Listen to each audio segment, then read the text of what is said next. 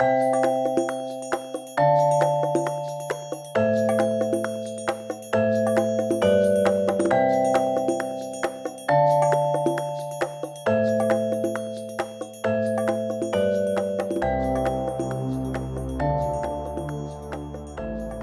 podcast ma yw Cymeriadau Cymru, a o'r bellid a fi'n y cwestiwn, ti'n sicr yn gymeriadnol.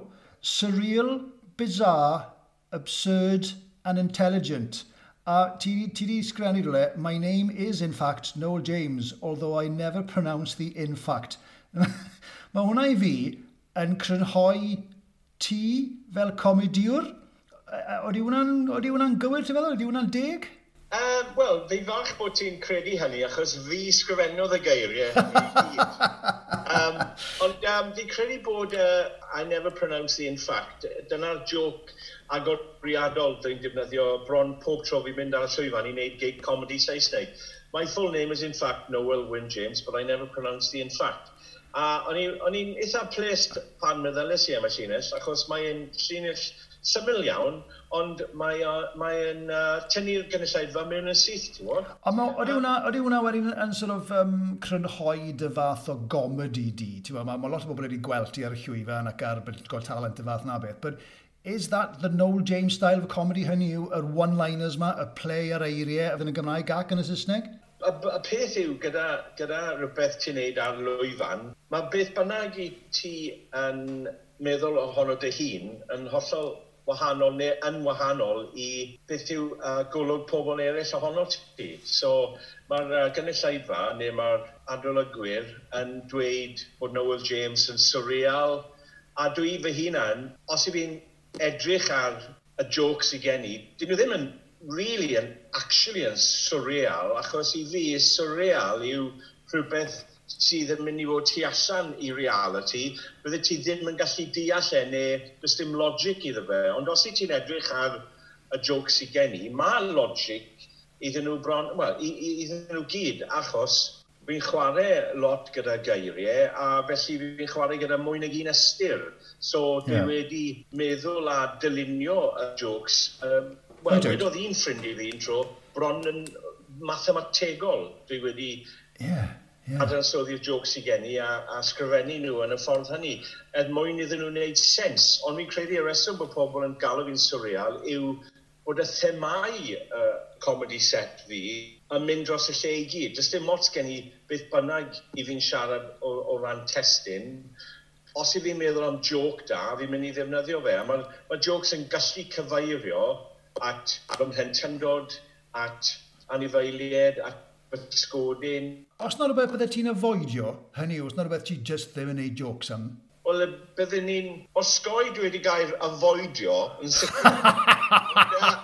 ei, ei, ei, ei, come on, a wenglish go iawn yw yn, right? O, oh, mae'n anochel.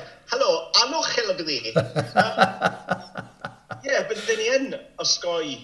Osgoi, na ti, blinkin, avoid, ie. Yeah. Da iawn ôl, afoid, John. Osgoi. I fynd nôl yn gloi at uh, syniad bod fi'n neud one-liners, a dwi, dwi yn neud one-liners, fi yn credu falle bod fi yn bizarre, A fi'n credu bod na intelligence, bod na deallusrwydd o fewn y comedi. Fi'n licio meddwl hynny, ond beth sy'n diddorol yw, er enghraifft ar Britain's Got Talent, wedodd un o'r bainiad bod, bod e'n silly fi'n credu dyna'r gair, a fi'n cael hwnna lot. Mm. So, er bod fi'n licio meddwl bod e'n yeah. clever, a mae rai pobl yn dweud bod e'n mynd dros pennau lot o'r gynulleidfa, a wedi pobl eraill yn dweud bod e'n silly. A dyna, maen nhw'n sôn amdano yr un jokes. Yeah, a yeah, yeah. Dyna beth sy'n diddorol yw bod gwahanol canfyddiaeth fel i'r un stwff. I, I ateb y cwestiwn beth, beth byddwn ni'n osgoi, wy wedi dysgu trwy profiad, er licen i weid bod fi'n gallu cyfiawnhau siarad am unrhyw destun ar y ddeiar, gyda bod e'n ddoniol, fi wedi dysgu bod hwnna'n amhosib achos mae e'n ormod o drafferth i delio gyda pobl sydd yn cael ei offendio gan ambell beth. Yeah. Tase rhywun yn y newyddion, celebrity neu beth bynnag, yn cael ei cyhyddo dwed o uh, rhywbeth chwarae o bwti gyda rhywun uh, plentyn mm. yn ei arddegau neu mm. rhywbeth. Mm. Bes ni ddim yn gwneud joc am hwnna neu hyd yn oed yn cyfeirio ato fe, nes bod y person wedi mynd i'r llys a bod yna achos wedi cael ei penderfynu naill ffordd neu'r llall.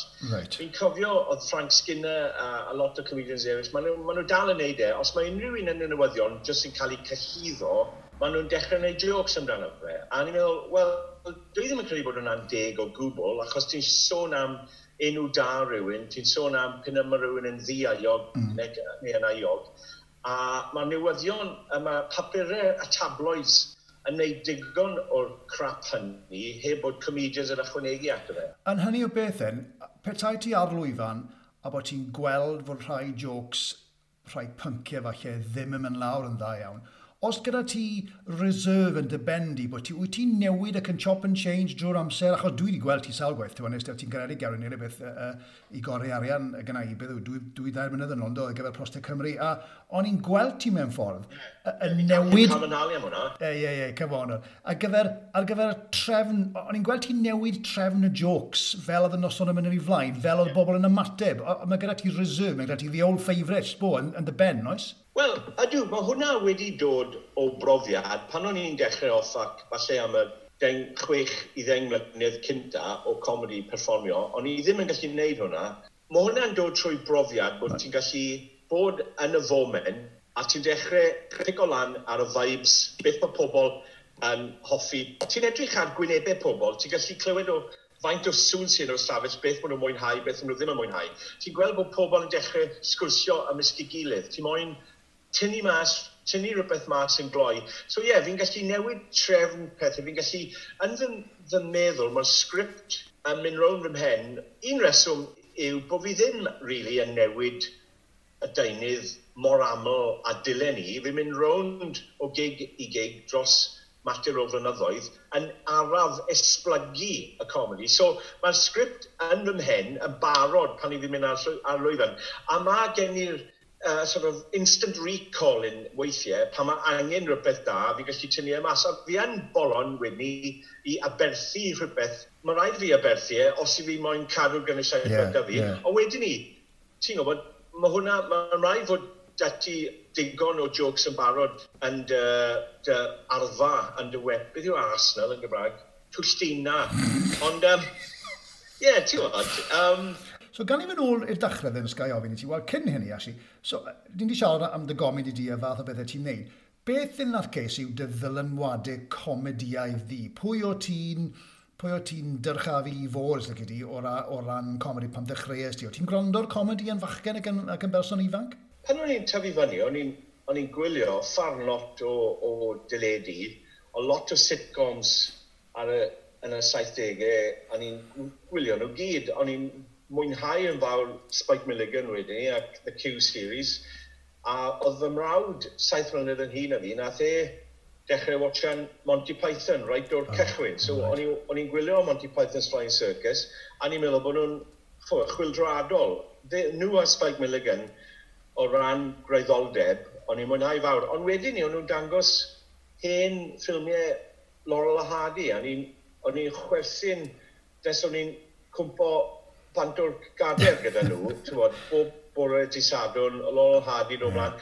A wedyn ni, nhw'n dangos hen ffilmiau Charlie Chaplin, a o'n i oedd rhywbeth amdano reina, oedd e fel watchan rhywbeth mas o oes wahanol, o'n i ddim really yn chwerthu'n lot ar Chaplin, o'n i'n gwerthorogi e fel, ond o'n i'n lico lol hadi lot fawr, Python, Spike Milligan, a hefyd oedd Woody Allen, ffilmiau Woody Allen, a ers ni fi wedi gwrando ar stand-up comedy Woody Allen. Ti'n bod, a A, a lot o gwahanol uh, uh, dylanwadau o ran beth o'n i'n hoffi. A fi'n credu bod nhw gyd wedi ffindo i lle mewn yn beth i fi wneud fel comediwr. Er bod wedi dweud hynny, fi yn aiog, bydde rai yn dweud, o gwneud puns a chwarae gyda iaith. A dyw dim un o fy arwyr comedi yn gwneud hynny, ti'n bod? No. Oedd Monty Python yn gwneud rheol bod nhw ddim yn defnyddio puns. Yeah, yeah. A mae lot o comedians yn tymlo fel yna ynglyn â chwarae gyda geiriau, a felly um, mae Woody Allen ti'n mynd bach, ond on wedi dweud ni, fi'n licio chwarae, nac e jyst gyda'r geiriau, ond gyda'r cysyniadau, ti'n fi'n neud... Wedodd Woody Allen bod bod e'n bod e'n peth da i cyfeirio at gwahanol pethau diwylliannol. A er bod y gynulleidfa weithiau ddim cweit yn deall y cyfeiriad, fi'n credu bod e'n iawn, bod e'n rhywbeth bod e'n rhywbeth iachus i wneud, ti'n bod. Yeah. Um, Oedd Monty Python yn, yn very much marmite, yn dod, ti'n bod, ti'n allan really meddwl bod nhw'n chwil droadol ac yn incredible, neu ti'n meddwl beth effach yw'r hyn. A mae lot o bobl, ti'n bod, mae hwnna'n yn, yn, wir am lot o gomediwyr, yn dwi, hyd yn oed, hyd yn oed Spike Milligan mewn ffordd, yn dwi. Mae Monty Python, ten ni'n gwylio cyfresu cynta nhw nawr, falle o fewn 20 munud bydde ti'n ffindo 5 munud ardderchog, a falle cwarter awr oce, okay, yeah, yeah, ti'n bod. Yeah. Ond ar pryd, am y tro cynta, a pan o'n i'n blentyn wrth gwrs, i feddwl plentyn. Ond on wedi dweud hynny, mae yna rhywbeth weithiau sydd yn, sydd yn anoen amdano nhw hefyd. Rhywbeth fel, ti'n gwybod bod nhw'n dod o public schools, mae yna rhywbeth cefn dosbarth chwech uh, amdano humor nhw y bryd i gilydd. Ti'n bod, pan maen nhw pan maen nhw'n cyrraedd i, i sketches gwych, dys neb yn well na, na nhw, na, na ffilmiau gorau nhw, dys neb yn well. Ond mae yna lot o, ie, yeah, hit a miss mae yna, Yeah, Yeah, Ond dyna beth yw natur gwneud rhywbeth sy'n heb gael ei wneud o blaen. Ie, ie, ie. Ie, wel... Ti'n mis, mae'n rhaid i fod. Y Monty Python yn amlwg, ti'n gyda Cambridge Footlights a fath na beth. So, so yn hynny o beth, ni siarad am bach o bob peth o ran yn comediwyr. Yn hynny o beth, y cwestiwn sy'n gyda fi nesaf yw, Pa stad sydd ar y gomedi erbyn hyn yn, gyffredinol dyddiau yma yn byddewi 2020? Mo, ydy, ydy, ydy comedi yn iach? Neu ydy hwnna'n gwestiwn twp achos mo, mae pawb yn beth o bob, mae pawb yn lyco pethau gwahanol. Neu yn gyffredinol, ti'n modd, ni wedi mynd trwy pa fath o bethau ynddo, gyda'r, ti'n the young ones a, a fath na o gomedi, a wedyn mae'r ma massive stadiums gyda, ti'n modd, uh, Kevin, be bynnag e, fe, a Bridges a, a, a John Bishop, a fath na beth. Ond erbyn hyn, beth yw stad comedi yn gyffredinol ti'n feddwl yn dyfarn di? Wel, fi'n credu bod e'n cwestiwn cymleth mewn ffordd achos beth yw comedi, bod? Mae comedi i fi yw'r peth na, mae yna foment, bod, lle ti'n gallu cael comedi yn dy fywyd dy hun, mas o ti a dy fywyd a dy ffrindiau, neu ti'n gallu cael comedi trwy darllen rhywbeth neu gweld rhywbeth ar y teledu sydd yn achosi ti chwerthin neu, neu humor yn, yn neud ti wenu. Ond beth i ti'n sôn fan'na amdano, fi'n credu yw y diwydiant. Man, beth maen nhw nawr yn galw, y diwydiant, diwydiant comedy. Yeah. Pan dechreuais i mas yn comedi, o neb yn defnyddio'r term diwydiant. Fi'n hyd yn oed yn cofio un comedian yn neud rŵtîn ac yn uh, dechanu y ffaith bod nhw'n disgrifio y diwydiant twristiaeth fel diwydiant ac yn dweud joc rhywbeth fel hey up, there's trouble at theme park. so, oedd hwnna, oedd e'n neud joc amdano'r ffaith bod nhw'n cyfeirio at y tourist industry. Oedd y comedy uh, industry ddim yn cael ei galw yn diwydiant industry nes tua diwedd y 90au, neu cychwyn y ganrif yma, ti'n bod? So, right. a mae yna rhywbeth trist mewn un ffordd i fi'n gweld, achos, ti'n bod, mae comedy amdano dychanu ac amdano ymosod ar safonau uh, cymdeithas ac i, i sort of galw ein hunain yn ddiwydiant a cael yr asiantaeth a pobl busnes yn rhan ohono fe, i ni'n cyfleidio, cyfleidio um, yr sefydliad. Ond i ateb dy gwestiwn, does dim gigs ar hyn o bryd yn amlwg oherwydd uh, y coronavirus. Felly, pan wnaeth hwnna orffen, ddi ddim yn siŵr beth sy'n mynd i ddigwydd. I fi'n credu bod comedi fel syniad a fel ffenomenon mynd i bara am fydd. ond fi'n credu beth sy'n mynd i effeithio fe mwy na jyst y Covid yw sensoriaeth fi'n credu a sensitifrwydd pobl. Mae'n dechrau dylanwadu mwy mwy ar beth ni'n gallu dweud a rhyddid be mae hawl i ni cyfeirio at. Oh, right. A mae hwn yn amlwg ar y gwefannau cymdeithasol ac mae'n amlwg ar, uh, ar y newyddion, ti'n bod? A fi'n credu dyna beth, beth yw'r gelyn mwyaf nawr yw beth, beth bydd uh, natur comedy stand-up comedians. Bydd comedy o fewn llyfrau ac o fewn sgript da mm. i, hmm. i ffilmiau, fi'n credu yn, yn, yr un mor safonol a maen nhw wedi bod, ond mae'n mae testyn mor eang, ti'n gwybod?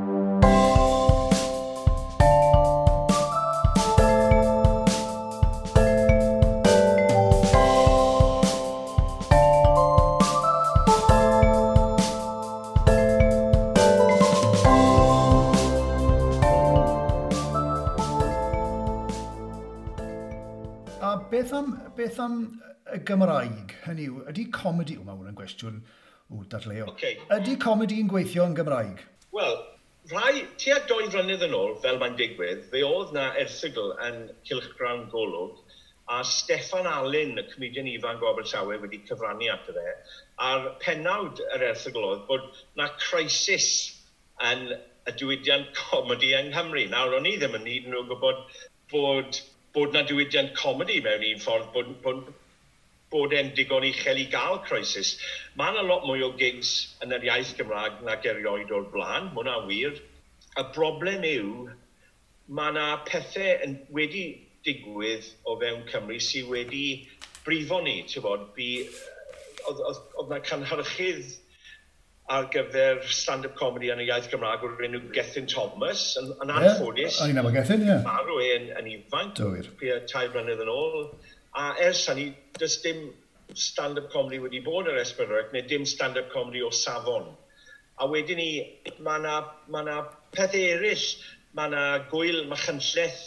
bys Byse rai yn dweud bod hwnna'n peth gwych, a falle bod e'n peth gwych ar un ystyr, ond um, tywod, penne oeddi hwnna'n helpu y diwylliant y iaith Gymraeg neu comedi yn y iaith Gymraeg, fi ddim yn siŵr. Fi'n credu bod angen rhywbeth fel diwydiant ffilmiau neu, neu mae eisiau mwy o comedi ar ffurf sgriptiau ffilm neu drama ar gyfer llwyfan neu teledu. A yn, yn hytrach na roi comedi mewn rhyw bocs a dweud, o dyma beth yw comedi, cwpl o comedians yn dweud jokes crap, ti'n mwyn. Fi'n credu dyna beth sy'n digwydd gyda Esbydre yn, yn aml iawn yw, yw safon y comedi. Dyn nhw ddim yn edrych arno fe fel cel, celfyddydyd. Celfyddyd, mae'n ddigen i. Ie. Yeah. Ti'n bod rhai blynyddoedd yn ôl, nes, ti'n siarad am ieithoedd, nes i weld comedian o'r enw Sugar Sammy uh, yn, yn Efrog Newydd, mewn comedy club yn Efrog Newydd. A oedd e'n neud yn Saesneg, oedd e'n neud yn Ffrangeg ac yn Arabic. A oedd yr ymateb oedd yn gael yn, yn anhygoel gyda, ti'n bod, trosdariad anferth o fobl dros y byd pa math o ymateb, yeah. neu wyt ti'n gweld gwahaniaeth yn yn ymateb wyt ti'n cael gyda cynulleidfaoedd Cymraeg a cynulleidfa sydd ddim yn siarad Cymraeg hynny yw'n Saesneg? O ie. Does dim, um, does dim amhaiaeth bod potensial i stand-up comedy Cymraeg fod cystal a unrhyw beth yn yr iaith Saesneg a mae yna gynulleidfaoedd allan yn barod i werthologiau. Y broblem sydd, sydd â ti gyda unrhyw stand-up comedy yw, mae rhaid i cael y lleoliad iawn, mae rhaid i cael yr ystafell iawn, mae rhaid i cael pethau syml fel golau a microffon, pethau technegol wedi paratoi yn iawn, er mwyn rhoi y gynulleidfa yn uh, meddylfryd iawn. A wedyn ni, to, fi wedi gwneud gigs er enghraifft yn gwyl llenyddiaeth Llandeilo. Oedd e'n berffaith, oedd y gynulleidfa totally up for it. Ond os ti'n rhoi y comedians o flaen y gynulleidfa wrong, neu dyna'r broblem gyda unrhyw uh, diwylliant lleiafrifol, os gai gyfnyddio'r gair, yw, ti'n bod, mae eisiau hyder i werthorogi bod, bod dynnu yr un safonau a diwylliannau eraill. Os oes yna crisis yn comedi gyffredinol ar hyn o bryd, yw bod y ffaith bod comedians yn gallu offendio be dylen nhw cael yw tymau bach o leeway a roi, roi tymau bach o ymddi, ymddiried yn y comedians a roi space iddyn nhw a dweud, os mae'n digwydd o fewn ystafell sy'n cael ei cyfri fel clwb comedy, os maen nhw'n offendio, maen nhw'n offendio. Maen nhw wedi wneud e ar lwyfan fel rhan o rhywbeth celfyddydol, perfformiad, ti'n bod, o fewn clwb comedy. So, os rhaid mynd â fe allan o'r ystafell yna, a mynd â fe ar y we, a cwyno i'r BBC, a cwyno i'r yeah, awdurdodau, yeah. a dweud, sdim hawl wneud y fath un o humor, bla, yeah. bla, bla. bla Yna'r broblem, mae eisiau mwy o, o uh, mae eisiau mwy o um, trust, mwy o ymddiried yn y comedians bod nhw'n ddim yn bwriadu offendio, Maen nhw'n just trial wneud pethau wahanol, a falle trial wneud pobl i ddeddol weithiau. A na beth yw dadl Ricky Gervais, ydyn nhw'n gweud, at dde, listen, at the end of the day, it's a joke. Ti'n ma'n berffaith hawl dy fe joke gan am bob fath o beth, bydde ti'n lygo Ricky Gervais yn y beidio. Ond clyw, gan, gan ni, um, yeah. ti'n ma'n ar y llwyfan, right? neu ti, ti mewn gwyl gomedi, neu, ti'n ma'n, fi wedi gweld ti mewn pub, fi wedi gweld ti mewn gwesti, fi wedi gweld ti ar y lwyfan, a, a ti'n ma'n, bring the house down drwy'r amser, ond ti'n, ti Noel James, ti'n ti Noel James. Noel James yw'r person ar y llwyfan, iawn. Amser ti'n mynd adre, wyt yeah. ti dal yn Noel James, y comidiwr, neu wyt ti'n sgallio, os na switch dy ti? Ie, yeah, fe, fe enw fi pan i fi adre yw Snowy Alexander. A rydw i'n uh, hoffi bwytac nai a astudio mecanyddiaeth. math ydw i o'r oes Victorianaidd mewn mywyd go iawn. Um, Na, ti'n mynd drewy'n? A ni, Chris, allan ni ofyn yr un peth i ti, right? Efe Chris tywydd i ti pan ti adre neu be? Wel, na, na, na, teb, yn honest, na. Seriously, na. Chris Tywydd... Pam yna gwmwl dros dy bendio, eh? Chris Tywydd, reit, sy'n, ti'n bo, swnio'n ben mawr, ond Chris Tywydd yw'r person ti'n gweld ar y teleri neu'r tywydd. Dim Chris Tywydd i fi adre, yn chwarae gwmpas fan hyn gyda'r ci a, a ti'n bod, a, a cwbl o beins adre. That, that's, ti'n bod fel, mae yna ddau berson gwahanol, mae yna switch yn y gyd mewn ffordd. Dim yeah. y person ti'n gweld adre, y person ti'n gweld ar y teleri. A ti'n bod, dim debyg yeah. Ond on, fe beth fi'n gofyn yw, wyt ti'n medru switch off den? Wyt ti'n ti berson sy'n sy poeni tipyn yn ti o ran, o ran dy, dy, dy berfformiad a sio ti'n droso fath? Yeah. Os, os na switch, ti'n switch on and off? Um, yeah, fi'n credu uh, bod pan dechreuais i comedy, o'n i'n person oedd yn chwerthu'n falle lot mwy yn fy mywyd personol cyn i fi ddechrau wneud comedy o ddifri. Ar ôl i fi rhoi ymdrech mewn i bod yn performio'r comedy, credu gafodd e effaith ar, ar fy mhesoniaeth, a fi'n credu bod, uh, bod Noel James ti'n gweld ar y lwyfan, fi'n credu bod lot o gwirionedd a reality Noel James e, e, yn hwnna, ti'n bod? Fi'n credu, achos mae popeth i fi'n dweud, i fi'n ffindo hwnna'n ddoniol, neu bys ni ddim yn dweud e. A fi'n credu bod hiwmor wastad wedi bod yn rhan o fy mywyd ers pan o'n i'n blentyn. Um, ond mae'n ma gwestiwn mor dda, a fi'n credu, fi credu bod rannau ohono fi, licen i ail, ail afel yn nhw, licen i ail ffindio fy hunan, a fi, fi, fi, fi wastod ar fi'n cymryd uh, toriad i ffwrdd o'r byd comedi, achos, ti'n bod, yn feddyliol, mae e yn tymud o ymdrech, ti'n bod, bob wythnos, mm. ond wrth gwrs dim yn ddiweddar oherwydd y no, no. virus, fe. Ond, ie, yeah, fi'n credu bod rhan fawr o beth ti'n gweld ar lwyfan, yr un peth a Noel James personol adre yn reality, ond bod Noel James adre eisiau eisiau gwneud mwy gyda'i fywyd. Felly, a e dyna'r reswm, a ni wedi siarad yna hyn, yn â hyn o blaen, ti wedi bod yn rhaglen radio gyda i um, rai mysonol, a oh, dyna'r yeah. reswm es ti ar rhaglen Britain's Got Talent? Nath e ddim troi mas i fod yn brofiad neis iawn, dy fe, i ti'n bersonol? Be? Be wedys i wrth o ti o blaen? Wel, nes ti gysau pob eilen y fewdys ti, o ti'n mynd lygo'r ffath, ffath beth o ti'n cael y drin, y, y sut o ti'n cael y drin, a fath o commodity, well, a A, ne, sure. ne ti wedi newid y fel erbyn e? o ti wedi cael unrhyw lwyddiant o achos fod ar y teleri oh, erbyn Scott Allen? Hold on nawr, Chris Tywydd. Nes i ddim dweud bod fi'n cysau bob eiliad. Mae'n wir bod fi wedi cael profiad cymysglyd. Ges i fy bugeilio o gwmpas ti'n bod, ti'n mynd o un port y cabin i'r llall, ti ddim yn cael dydalu, ond ar y cyfan, fi ddim yn cofio'n iawn be wedes i wrth o ti o blaen, ond mae'n rhaid i fi... Felly mae wedi paraphrase. Newid fy ngeiriau, achos o'n i wedi ar y cyfan edrych nôl, oce, okay, nes i ddim fwynhau e i gyd, ond oedd e yn brofiad unigryw, oedd e yn brofiad byddai'n cofio hyd at diwedd foes, a ddyn brofiad nath helpu fi, achos mae gen i dau clip ardderchog nawr ar YouTube, a unrhyw un sy'n eisiau bwco fi, yn gallu edrych ar reina. Oedd y, a reswm pam nes i e, oedd bod trial cael gigs gan bobl ar y comedy sy'n byw yn anodd tu hwnt. Mae e fel popeth, Chris, mae e, os ti'n nabod pobl, neu yn hytrach, os ti'n gwybod fel i siarad gyda pobl a rhwydweithio, dyna hanner y frwydr. Sdim os, sdim os os ti'n crap gyda beth ti'n actually gwneud, yeah. os ti'n gwybod fel i cyfathrebu, ti'n gallu cael y gwaith.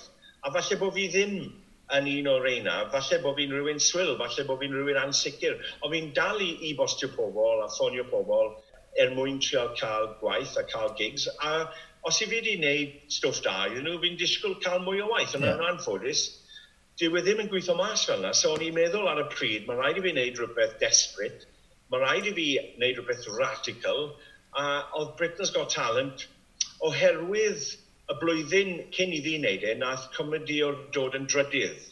Felly oedd hwnna neges i fi, a fi'n siŵr llwyth o gomediwyr eraill, falle nawr blwyddyn un, yn lle gwneud pobl i edrych yn dwp, fe nawn nhw cymryd comedi tymau bach mwy o ddifri, a, a falle nawn nhw roi sians i ni. Ac, a fel nath pethau troi mas, dyna sut oedd e, ond nhw wedi rhoi mwy o chwarae teg i'r comedians yn 2018 nag erioed o blaen, a com comediwr nath ennill y gyfres fel mae'n digwydd.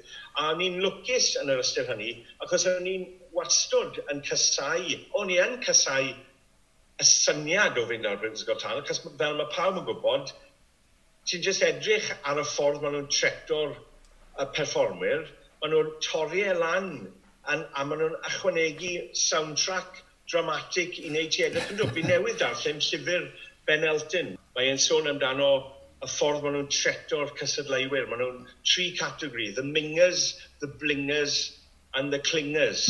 A ti'n bod, um, fel, fel na oedd e i ryw raddau, ti'n bod, ond nes i e a nath e weithio oherwydd allan o'r profiad, allan o'r exposure, ges ti lot mwy o waith a ges i cyfle i wneud cwbl o bethau o'n i ddim wedi cael gwneud oh, right. o blaen. Oh, okay, good.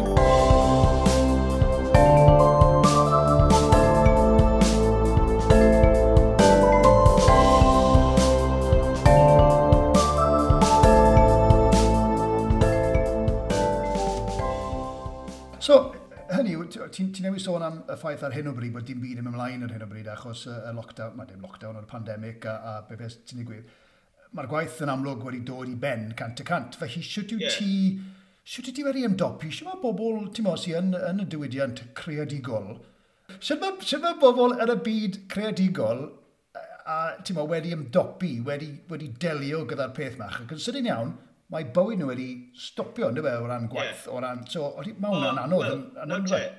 Mae hwnna yn priodol iawn. O ti'n gofyn iddi beth yw cyflwr comedi Cymraeg. Ti'n bod, cwpl o ddyddiau yn ôl, uh, mi ar nos un, ges i neges destun gan Paul James. Mae Paul James yn rhedeg gwyl comedi Castell Nedd. A nath Paul James ffono fi i weid bod ffrind ni, Ian Cooper, oedd yn byw yn Colwyn Bay, a uh, yn anffodus wedi, wedi cymryd i fywyd e. Nawr, oedd uh, hwn yn sioc i fawr i fi. Oedd Ian Cooper yn rhedeg gigs uh, ambell waith uh, o gwmpas Llandudno. A fi ddim yn gwybod, a sefod, fi'n gwybod bod hwn yn depressing, ond um, fi'n credu, i, i, fi credu bod coronavirus wedi cael effaith dychrynllid, nid just ar y diwydiant comedi, ond just ar meddylfryd hmm. pobl a iechyd meddwl lot o bobl sy'n oh, yeah. fel arfer yn brysur oh, gyda perfformio yeah. a bwcio yeah. a Beth hefyd sydd wedi bod yn digwydd yn y misoedd diwetha yw ar y gwefannau cymdeithasol, mae rhyw fath o Me Too movement wedi digwydd gyda'r gyda sy'n comedi. Dech, uh, fe sbardinwyd hwn gan, oedd na rhyw comediwr yn America yn mis Ebrill, y mis Mai wedi gwneud rhyw joc, a nath hwn Lledaenu i Lloegr a Prydain ar y Facebook, oedd pawb yn dod mas a, a cyhyddo'r y cymediwr yma a'r cymediwr arall o fod yn sex harassment a bla bla bla bla bla bla.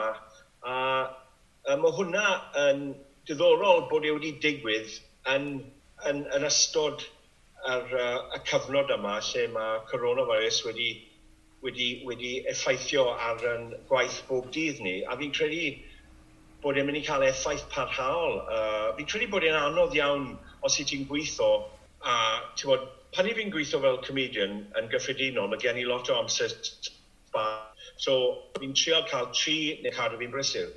Ond pan i fi'n dod nôl adre, wedyn ni, mae rhaid i fi ymdrechu i llanw fa o oriau sbal. So, allai ti ddechmygu, pan nad oes dim gigs o gwbl, mae yna berygl, ti'n bod, i ti, os i ti yn diodd efo tymau bach o iselder, mae'n gallu, gallu cymryd drosodd ti. Mm, ti'n ti gallu mm, pryderu yeah. am pethau, yeah. o paranoia. Mae iechyd meddwl yn bregus ac yn bwysig iawn ac yn ffodus iawn i fi wedi bod um, cadw fi hunan yn brysur jyst trwy darllen, mynd am wac, a wedi bod yn coginio, a wedi bod yn cymryd antidepressants. Oli, Oli, mae ti eisiau rhywbeth doniol nawr, Chris, neu fe? I fod yn... Oedd e'n serious? Na, seriously. Mae hwnna'n bwynt teg dda, chos mae'n ma, ma draddodiadol o bobl fel mo, Tommy Cooper a, a Tony Hancock, a mae ma nhw gyd wedi yeah. dioddau o, o rhyw fath o salwch meddwl o'i selder ac ansicrwydd a prynder gwaith. Felly yeah. mae'n bwynt teg, mae'n bwynt pwysig iawn. Petai ti ddim yn gomi diwr, a ti'n gwneud bach o actio hefyd, dweud, be bydde ti'n hoffi wneud, neu be bydde ti wedi hoffi wneud fel swydd llawn amser, Nicky Dee? Be wydde ti'n gweld y hun yn neud petaeth ti ddim yn comedian? Be, ti'n meddwl fel swydd yeah. naw i bimp, ti'n meddwl? Ie. Yeah. Wel... Fe nes ti fod yn athro'n bach, ynddo? Na, wel, pan o'n i'n pan o'n i'n ifanc, o'n i wastod yn meddwl hoffwn i fod yn gyfarwyddwr ffilmiau, ond mae hwnna hefyd yn swydd tu allan i'r norm, so... Ond dwi, dwi dal yn meddwl am hwnna, a fi, fi credu, fi'n hoffi, fi, fi un o'r bobl yma sydd yn meddwl bod rhywbeth yn mynd i clicio un diwrnod, bydd popeth yn dod i'n iawn. A wrth gwrs, fi, fi'n gwybod ar yr un pryd, dyw bywyd ddim yn gweithio fel yna, ond y rhan ohono fi yn idealist ac yn meddwl bod pethau uh, yn mynd i, mynd i ddigwydd. Er, er yeah, fi wedi wneud yn y blynyddoedd diwetha, o'n i'n ffodus i wneud gwaith actio i Theatr Genedlaethol Cymru.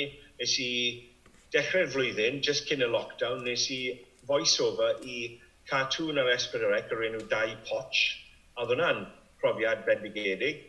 Felly, um, i ateb dy gwestiwn, byswn ni ddim wedi wneud athro da, achos fi wedi trial dysgu, mae gen i cymhwyster, ond mae bod o flan dosbarth o blant, oce, okay, fi, fi, fi, fi wedi dod i arfer a bod o flan pobl, ond pan mae rhaid ti, ti'n bod, mynegu rhyw disgeidiaeth neu rhyw testyn arbennig, mae rhaid ti nes i gradd mewn ffiseg. Bod, o dwi'n deall o ffiseg nagw. O'n i'n mwynhau gwneud y gradd nagon. Lycen ni sydd wedi gwneud mwy o iaithoedd yn yr ysgol, sydd wedi cael mwy o arweinyddiaeth gan fy rieni a, a fy athrawon. Oedd fy rieni, o'n nhw'n becso gormod amdano cael jobyn a cael gradd a cael sicrwydd. So nhw jyst wedi meddwl mwy am beth sy'n neud Noel yn hyderus yn hytrach na beth sy'n neud e'n, ti'n bod, beth sy'n mynd i wneud dyfodol sicr iddo fe. Yn llwyddiannus, ie. Jyst meddwl am yeah. beth yw hyder, beth yw, ti'n bod, gyda hyder, ti'n gallu gwneud unrhyw beth uh, yn, yn dyfywyd, fi'n credu. Sim ots os oes nagos cymhwyster dati, os ti'n digon hyderus. A fi'n credu, uh, licen ni sy'n ni wedi gwneud falle mwy o ieithoedd Ffrangeg, falle mynd i ddiw am cwbl o rynyddoedd yn Ffrainc neu glad arall. A falle, ie, yeah, gwneud job tramor, ti'n bod? Okay. Yeah. A, a felly, sut dath yr um, rhaglen radio nes ti ddiweddol diwedd ar Radio Cymru, e, diogi, e? O, oh, ie. Yeah. Mae'n rhaid i weithio well, ti, gyda gyd, cymryd ti'n ymlaen, nes, nes, wran, nes, nes ti textio fi, dwi'n gwrando ar, ar y rhaglen yna. So, yeah. okay. so es, es i'r gwely, yn y Gymraeg, mi'n gwely defi, a nathon ni rando na fi gyda'n gilydd. A mae'n rhaid i weithio ti, nathen ni actually chwerthin mas yn uchel, sawl, sawl gwaith. A o'n i'n really, really impressed. Oedd e'n really ddoniol. Ond siwt, Pam, pam diogi? Ti, ti ddim yn ddiogi'n dy hun o ti? Neu pwdrin? Wel, ti'n gwybod be? Bob tro fi cael raglen ar Radio Cymru, mae rhaid i fi, yn cyn i fi gael e, mae rhaid i fi roi pitch mewn i'r gorsaf, i'r comisiynwyr. A yn ystod y lockdown, gofynno nhw, sort of, mewn ffordd am testunau ar, ar frys neu i, i llanw'r gap. A felly, o'n i, falle achos o'n i yn gorwedd o gwmpas y tŷ a ddim lot o fi wneud o ddim gigs da fi, falle oedd yn meddwl yn, yn uh, dechrau, o'n i'n dechrau meddwl am, am bod yn ddiog. A wedyn ni, mwy o'n i'n meddwl amdano fe, ti'n bod, mae diogi yn un o'r saith pechodau marwol, wel, sloth. A wedyn ni, ti'n bod, mae pobl yn mwynhau bod yn ddiog, a wedyn mae pobl yn cael eu cosbi am bod yn ddiog. Twn, yeah. A os i ti'n cael dy gosbi, fel ti'n cael dy gosbi yn aml trwy gwaith corfforol caled fel hard labour. A ni'n meddwl, mae yna rhywbeth fyna, a mae diogi hefyd yn y Beibl ac yn cael ei um, beirniadu'n hasht gan Dyw a, a, a'r, a'r prophets a phethau fel yna, uh, ti'n bod, yn yr hen testament. A ni'n meddwl, ti'n meddwl, mae lot iddo fe, A fi'n credu oedd na hiwmor yna fe hefyd. So, uh, o'n i'n meddwl, lle gorau i ddysgu am diogi, bes i i di iogi. Bod, a siarad gyda Iogi. A dyna joke yna, Chris, a ti ddim yn chwerthin, a nawr te. Achos mae fi wedi clywed y blaen, siarad o fod. Ti ateb dy gwestiynau ti, yn y ffordd, ti'n fawr fi ateb o, dwi. Na, na, na. Beth yw e, right? A cael ymlaen yma? E? Ie, yeah, go on. So, mae Radio Cymru, o'n i, o'n i mor falch i gael y siawns i wneud. Dechreuais i 2018 gyda cwylydd. So, beth sy'n diddorol yw, bob tro fi'n cynnig rhaglen pyr comedi iddyn nhw, dyn nhw ddim yn derbyn e. Ond pan i fi nes i cynnig am ryw reswm, oedd y testyn cwylydd yn taro fi yn 2018 fel rhywbeth diddorol, achos y lot o fe ohono fe yn, yn fy mhen ac yn fy, mhed, yn fy mywyd. A ni'n meddwl am perthynas gyda fy rieni a gyda fy mrawd. A felly, nes i cynnig cwylydd iddyn nhw, a nes nhw dderbyn e. So dyna'r dechreuad i fi ar y, y daith yma o, fi wedi gwneud pedwar rhaglen nawr, cwylydd, marwolaeth, galar a diogi. So right. maen nhw, ma lot o nhw, maen nhw fel sy'n nhw um, rhywbeth athronyddol amdano nhw bron, ti'n bod. Ond gyda'r un cwylydd, oedd e'n gret achos nes i sgwrsio gyda fy mrawd, Dewi. A dy fy mrawd o fi, really, ddim wedi cael sgwrs fel yna, byth eriod na siarad am, a nath ei weid bod e'n caru fi yn ystod y sgwrs, a dwi wedi byth wedi dweud hynny i fi, ti'n bod? A, a oedd hwnna'n oedd hwnna'n helpu fi wedyn ni, a wedyn ni, um, oedd e'n siawns hefyd i, i weithio ar y raglen a chwarae gyda'r effeithiau a'r ffordd ydych chi'n torri pethau mewn i rhywbeth arall, a'r music, A gyda diogi, nes ti rando arno fi, fi'n credu beth o'n i cyrraedd y brig fyna o, o ran ddelodd popeth yn ffito mewn i gilydd. Yeah. A beth oedd yn neis am diogi, a wrth gwrs fi'n siarad gyda siw gymaint o gwestaion diddorol, aelodau'r cyhoedd a pobl bod, yn y cyfyddydau a phethau.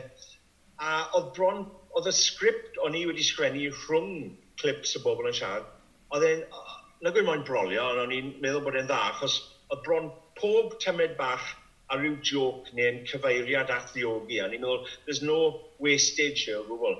Ond um, dyna sut dath hwnna, ty beth, o'n i just meddwl, yn an, ffodus oedd Radio Cymru yn cytuno, a bydde fe wedi yn neud raglen da hefyd.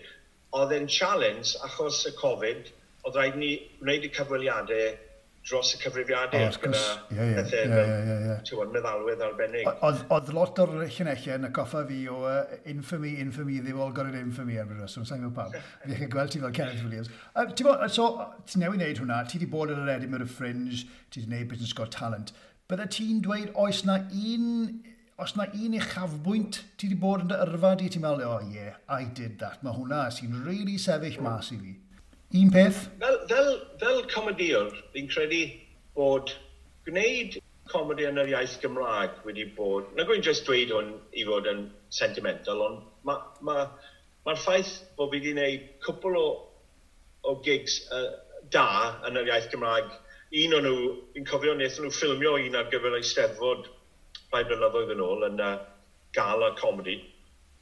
A oedd hwnna'n teimlo fel datblygiad a fel y chafbwynt, achos pan dechreuais i comedi yn Saesneg o'n i'n neud e, a pan tries i wneud e yn y Gymraeg, o'n i'n trosi pethau oedd y set Saesneg i'r Gymraeg.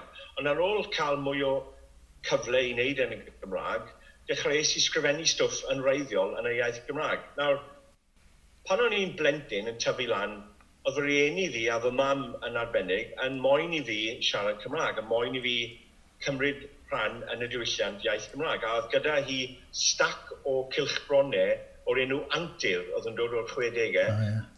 wrth ymyl uh, yn y gegint. A o'n i byth yn darllen nhw. O'n i'n gyd o'n i'n darllen, oedd comics, superheroes, pethau Saesneg. O'n i'n watchan gymaint o teledu Saesneg.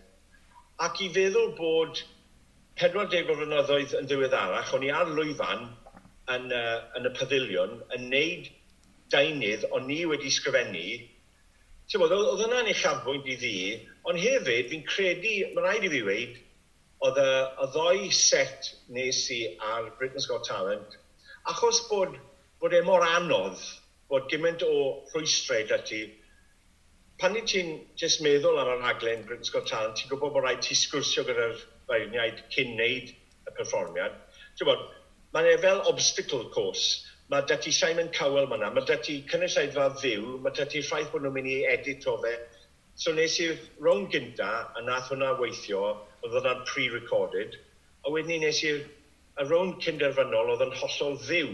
So oedd dy ti pwysau gwahanol ma achos oedd e'n mynd mas yn fyw i ddiliwnau o bobl, so oedd e'n wir exposure ar lefel o'n i ddim wedi cael o blaen. Er o'n i wedi bod ar BBC One stand-up show nôl yn y 90au, ond oedd hwn yn proper commercial prime time television exposure. A fi'n credu bod fi wedi llwyddo tynnu, tynnu ar yr holl brofiad sydd gen i o dros 30 o flynyddoedd nawr o perfformio comedy a rhoi e mewn 5 munud hynny a rhoi e mewn ar gyfer rhwng cynderfynol Britain's Got Talent a fi, o'n i mor falch bod fi wedi wneud e yn y ffordd nes i e bod fi ddim wedi cyfaddawdu, achos oedd, oedd pobl tu ôl i'r scenes, oedd, oedd rhaid ti cael consultation gyda scriptwriter, oedd e'n cynghori fi wneud hwn a'r llall. Oedd e ddim yn dyn drwg, oedd e'n dyn da, ti'n bod, ond right. oedd e'n dweud, you can take or leave what I say. Ond wedyn ni oedd gyda pwysau gan y, y cyfarwyddwr, o ti ddim byth yn gweld y cyfarwyddwr, ond trwy y flow manager, o'n nhw'n rhoi awgrymiadau i ti. O'n nhw'n moyn i fi gollwng un joc, er bod fi wedi rehearsal script, a ni'n barod i wneud y perfformiad, ond nhw'n dod a dweud, oh, can you drop this, can you drop that, a ddim jyst achosi lot o stress. A nes i ddim nes i ddim uh, plygu iddyn nhw, nes i wneud be o'n i moyn wneud, okay. a fi'n credu oedd hwnna yn ei chafbwynt, a tas e ni yn rhoi'r gorau i comedy nawr, fi'n credu allai weid bod fi wedi dangos, y bersonol, fi'n credu bod fi wedi dangos i'r byd beth o'n i'n gallu wneud a bod fi wedi wneud e, a mae e mae yeah. wedi cyrraedd rhyw safon. Diolch yn fawr. A, a neud yn dy ffordd y hun. Ond wrth gwrs, un o'r uchaf... Mae Neirin dy ffordd y hun yn bachan neb i'n abod e, a Neirin. un o'r uchaf bwyntiau wrth gwrs, oedd wneud y gig i fi yn y pub, Free Golden Cups yn Southern Down, yn yeah. gwneud arian, achos ti'n Mae ma, ma, ma gigs bach mewn pubs fyna, a gwestau bach, a llefydd bach, mor, llawn mor mor, um, mor dda a mor fodd hawl, sy'n ni'n meddwl, a, a, a llefydd mawr, ydyn nhw? O oh, ie, yeah, sicr. Oedd y gig na nes i ti, Yn, uh, oedd e'n siawns i, wel, e, ti'n cael, ti cael cyfle i, i fynd i, i llefydd newydd a, a, a lleoliadau newydd a oedd yr awyrgylch yn dda, oedd, oedd e'n gret. Oedd, uh, oedd ti'n sôn wrtho i o blaen, oedd ti'n falle'n gobeithio trefnu rhywbeth gyda Max Boyce, yng ti? Uh, Wel, o'n i'n ar fi'n, o'n i mor agos yna, wedyn digwyddodd yr holl beth yma. A sôn am hynny, blwyddyn nesaf, ti'n modd, be bynnag sy'n mynd i ddigwydd i orffen yn ôl, be, beth yw dy... Uh, Beth yw dy gynlluniau di? Os na bethau wedi cael ei trefnu'n barod ar gyfer blwyddyn nesaf, neu oeddi fe all up in the air? Just cyn i ni ateb hynny, dyma gerdd fach sgrifennus i pan o'n i 20 mlynedd oed amdano Max Boyce. Enw e Max Boyce. Max. Um, okay. Boyce bach, you were the voice once. You were the fucking boss man, I'm telling you man. A dyna'r gerdd, e? Ie. Yeah.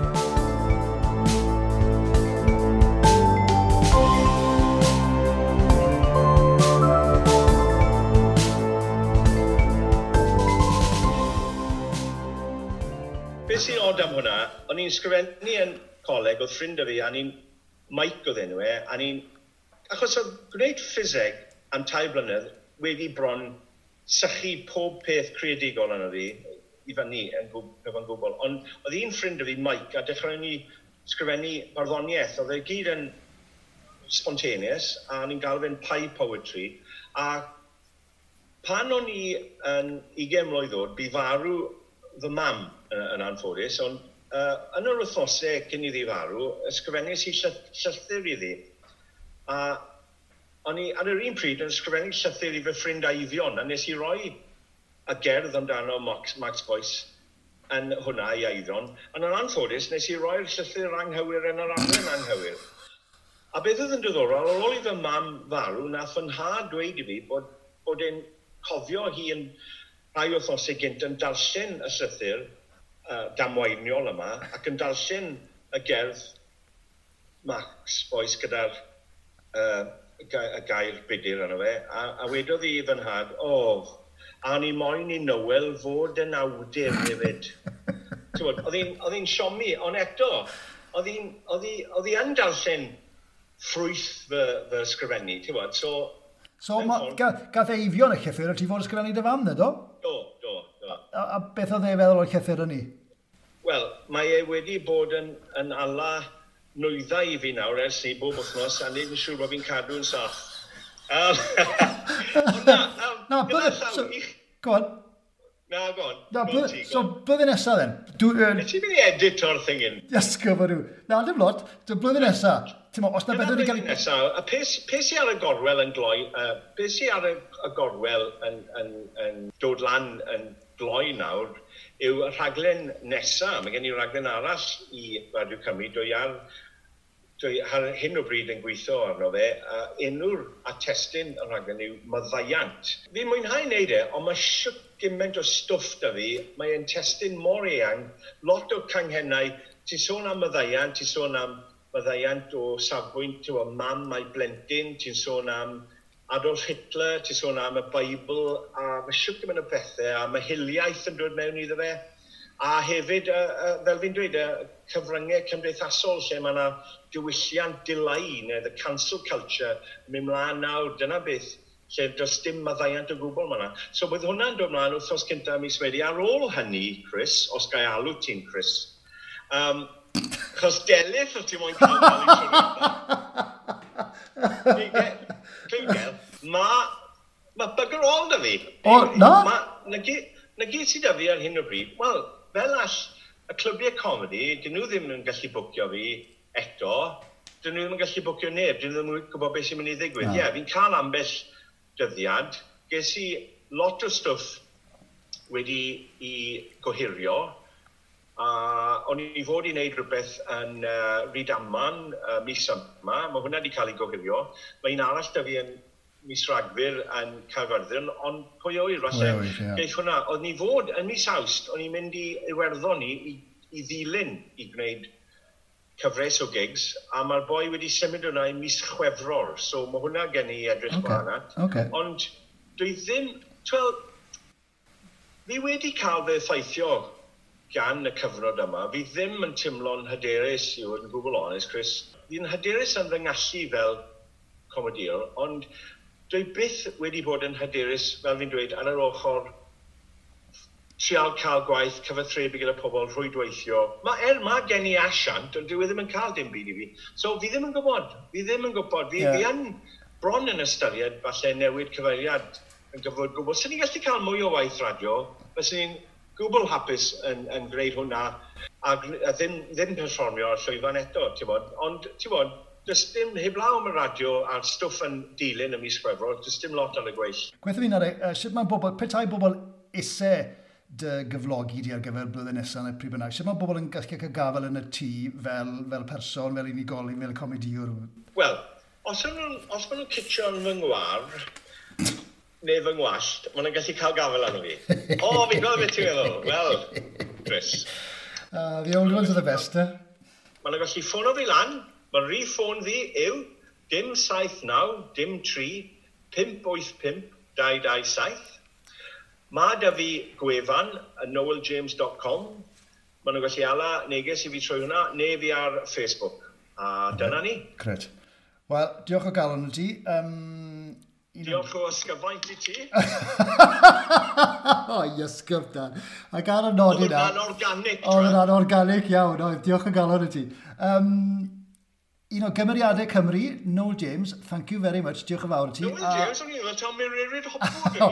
O, na, na, na, diw'r diw rhaglen ddim yma, ddim mor uchel y lain yna. Pan o'n i ar noson law, nes i noson lawen i Esbyrrec blwyddyn diwetha, a, a ti'n bod mwna tymau bach mwy um, easy fe, a ma, ma nhw'n ma nhw edrych mas am y, am y peak time ddiwyn, a the venue oedd yn cyflwyno y sioe, oedd hi'n cael sgwrs dy fi, ar ôl i fi cered i ffwrdd, oedd hi'n troi at y camera a dweud, o, oh, na chi gyneriad.